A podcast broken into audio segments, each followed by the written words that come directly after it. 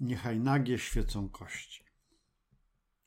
Hej, sowy, puchacze, kruki, i my nie znajmy litości, szarpajmy jadło na sztuki. A kiedy jadła nie stanie, szarpajmy ciało na sztuki, niechaj nagie świecą kości. No, jeśli uważacie, że początek jest kozacki z tymi nagimi kośćmi, co mają świecić, i z tymi poszarpanymi na sztuki ciałami, no to poproszę o kciuki w górę. Czyli teraz wyklikacie. Ja się potem cieszę, nawet bardzo, jak zobaczę, ile tych kciuków jest. Słuchajcie, kto sadził takie horrory z ptakami, co rozdziobują tych no chyba ludzi, no bo czyje by to były ciała, prawda? Jeśli uważaliście na polskim, to wiecie doskonale, to Adaś, Adaś Mickiewicz i jego dziady. Ja nigdy nie byłem przesadnym fanem romantyzmu, szczerze mówiąc, ale z wiekiem, no, dziady czyta mi się tak trochę, trochę inaczej. Chyba są takie bardziej przejmujące niż były w liceum. No dobrze, ale to o czym dzisiaj odcinek? O dziadach chyba nie, o Halloween już nie, to już wszystko minęło, to już wszystko za nami. Wypadałoby poopowiadać o tej rakiecie, co zabiła w Polsce dwójkę ludzi. O, I takie trochę było to niejasne, czy to rosyjska rakieta, czy nie rosyjska. Teraz już wiem, że najprawdopodobniej ukraińska. Ale o tym nie będziemy opowiadać, bo to jest wypadek. Oczywiście to jest, to jest tragedia, ja tego w żaden sposób nie, nie lekceważę, ale też powiedzmy sobie, no w skali kraju to to jest rzecz taka tam mało ważna, jakkolwiek źle by to nie, nie zabrzmiało. Tak jednak codziennie na drogach ginie więcej niż dwie osoby i w ogóle o tym nie słyszymy, a tutaj no, no usłyszeliśmy śmierć tych dwóch Bogu ducha winnych oczywiście ludzi. No ona się przebiła, zrobiła się bardzo, bardzo medialna.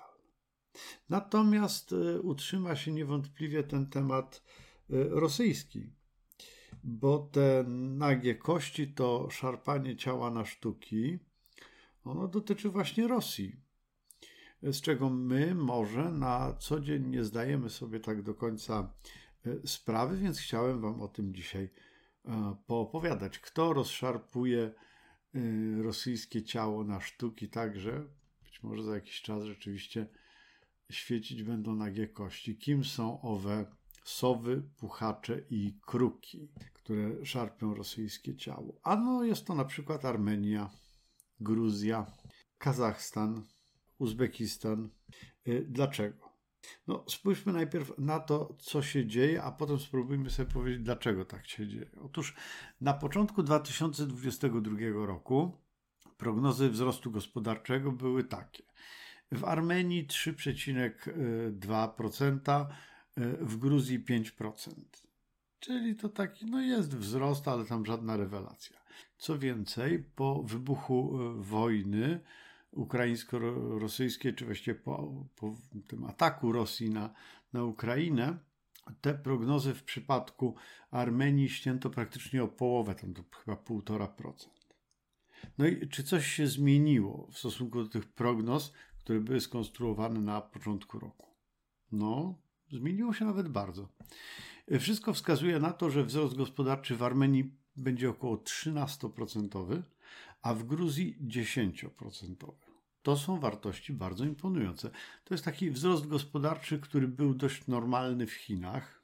Teraz już też nie, tak właściwie, już w Chinach tak szybko gospodarka nie rośnie. Natomiast w takich krajach to raczej tak niekoniecznie takie wzrosty gospodarcze mm, były notowane. Więc co się stało? Jak to się robi, że gospodarka tak gwałtownie rośnie? Y, zanim sobie powiemy, to musimy sobie tu przypomnieć i już potem o tym wytrwale pamiętać, że to są gospodarki dość małe. Armenia, Gruzja to są gospodarki małe, Armenia zwłaszcza. Jak one są małe, to takie wyniki, taki spektakularny wzrost jest łatwiej osiągnąć. No ale skąd taki wzrost się bierze, jak się go osiąga. Otóż, moi drodzy ludzie, młodzi, bogaci i zdolni, uciekają dzisiaj z Rosji przed mobilizacją. Oni sobie zadają bardzo proste pytanie. Jeżeli jesteś dzisiaj młodym, wykształconym, w miarę ogarniętym człowiekiem, mężczyzną najczęściej, No to jak? Wolisz pojechać do Tbilisi, czy wolisz pojechać pod Hersoń albo do Ługańska? Ci, którzy zwiewają przed mobilizacją, no to e, trochę ponad 150 tysięcy spośród takich osób właśnie osiadło w Armenii. Ponieważ Armenia liczy sobie mniej więcej 3 miliony, niecałe 3 miliony e, ludzi, to te 150 tysięcy powiększyło zasób siły roboczej tego kraju o jakieś 10%. To jest, słuchajcie, bardzo, bardzo dużo. Młodzi ludzie, między 20 a 45 lat, wykształceni, no i zazwyczaj z pieniędzmi. To oczywiście nakręca konsumpcję, a jak wiadomo, konsumpcja jest no, jednym z takich ważniejszych motorów, jeśli chodzi o wzrost produktu krajowego brutto. Gruzja. Mm, jeśli chodzi o Gruzję, to już właściwie cztery dni po ogłoszeniu tej tak zwanej częściowej mobilizacji przez Putina, to było 21, jeśli dobrze pamiętam, września, już cztery dni później, czyli 25 września, przy przejściu granicznym e, na wjazd do Gruzji czekało troszkę ponad 2,5 tysiąca samochodów.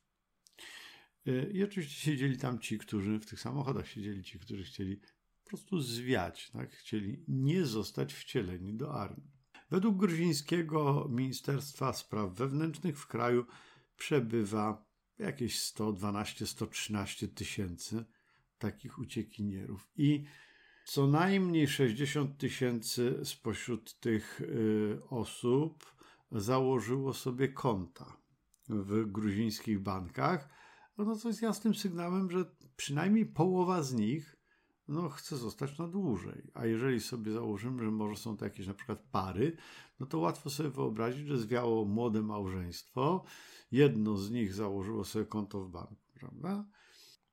Wraz z tymi uciekinierami napływają też pieniądze, pieniądze, które uciekinierzy, którzy się muszą zagospodarować w tym nowym kraju, nowym dla siebie kraju, oni te pieniądze wydają. Ocenia się, że od stycznia do końca października z Rosji do Gruzji przepłynęło ponad 2 miliardy dolarów, co stanowi dobrze ponad 10% dochodów gospodarki całego kraju.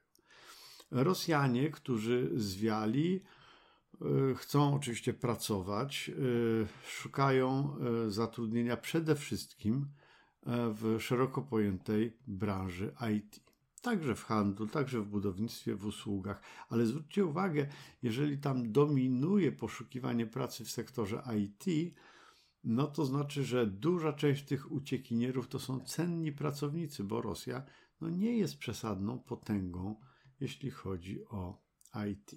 To, że Rosjanie uciekają przed mobilizacją ogłoszoną przez Putina, jest wyraźnie też odczuwane w gospodarkach e, Kazachstanu, Uzbekistanu, Kirgistanu. E, jeśli chodzi o Kazachstan, e, to do tego kraju zwiało ponad milion obywateli Federacji Rosyjskiej. 70 tysięcy spośród tego ponad miliona już się zwróciło o nadanie im takiego kazachskiego e, PESEL-u. No co oznaczałoby znowu, że to są takie osoby, które zamierzają, zamierzają zostać e, na dłużej, może na zawsze, może nie na zawsze, ale na dłużej. Trzeba też sobie e, powiedzieć, że te kraje, które są otwarte na napływ rosyjskich uchodźców, dość mądrze starają się tym całym procesem zarządzać. To znaczy, postrzegają tych uchodźców nie jako problem, tylko jako pewne takie dość cenne aktywa. W Gruzji na przykład Rosjanie od ręki mogą zakładać konta bankowe, od ręki mogą rejestrować firmy, mogą bez ograniczeń ściągać fundusze z Rosji zdeponowane w rosyjskich bankach. No, krótko mówiąc, ułatwia się im życie. Jak to się odbije na Rosji? No nie trudno się domyślać. Oczywiście dokładnego wpływu nie znamy, podobnie jak nie znamy dokładnej liczby tych osób, które po pierwsze wyjechały z Rosji, po drugie, no, nie znamy też dokładnej liczby tych osób, które nie zdecydują się na ponowny powrót do Rosji. Ale też mówi się, że generalnie e, lata 90. to okres takiego głębokiego niżu demograficznego, czyli e, w tych latach, w latach 90. I, i na przełomie wieków rodziło się relatywnie bardzo mało Rosjan. No to policzcie sobie. Ci, co się rodzili w latach 90., e, czy na przełomie wieków, to są ludzie właśnie w wieku 20-30 lat. Czyli Rosja ma mało takich ludzi, to jest mało liczne pokolenie, a jednocześnie oni, oni uciekają. Z drugiej strony to, co sobie mówimy a propos gospodarki e, rosyjskiej, każe nam też myśleć z troską o gospodarce ukraińskiej, bo tam odpływ ludności jest większy i demograficzne skutki tej wojny ukraińsko-rosyjskiej mogą być o wiele bardziej dotkliwe dla ukraińskiej e, gospodarki. Zresztą o wpływie wojny na ukraińską gospodarkę to ja ciągle chcę nagrać odcinek i ciągle nie mogę się do tego e, zebrać. No jak nagrać? No jak się pojawią takie głosy w komentarzach, to ja nagram, obiecuję. Ale w najbliższym czasie będę chyba chciał opowiedzieć Wam o tym, jak w Polsce można sobie zmniejszyć ratę kredytu mieszkaniowego i to niebagatelnie. Słuchajcie, jak zmniejszyć ratę kredytu e, z 6700 zł, prawie 7000, do jakiegoś tam 1700. No to jest, przyznacie, duża zmiana, duża obniżka. To jest dopiero, jak to mówią, taki sztos, prawda? No, więc jeśli chcecie wiedzieć jak, to kciuki, kciuki, kciuki w górę. I taki odcinek pewnie się pojawi. A na dziś to wszystko i do usłyszenia.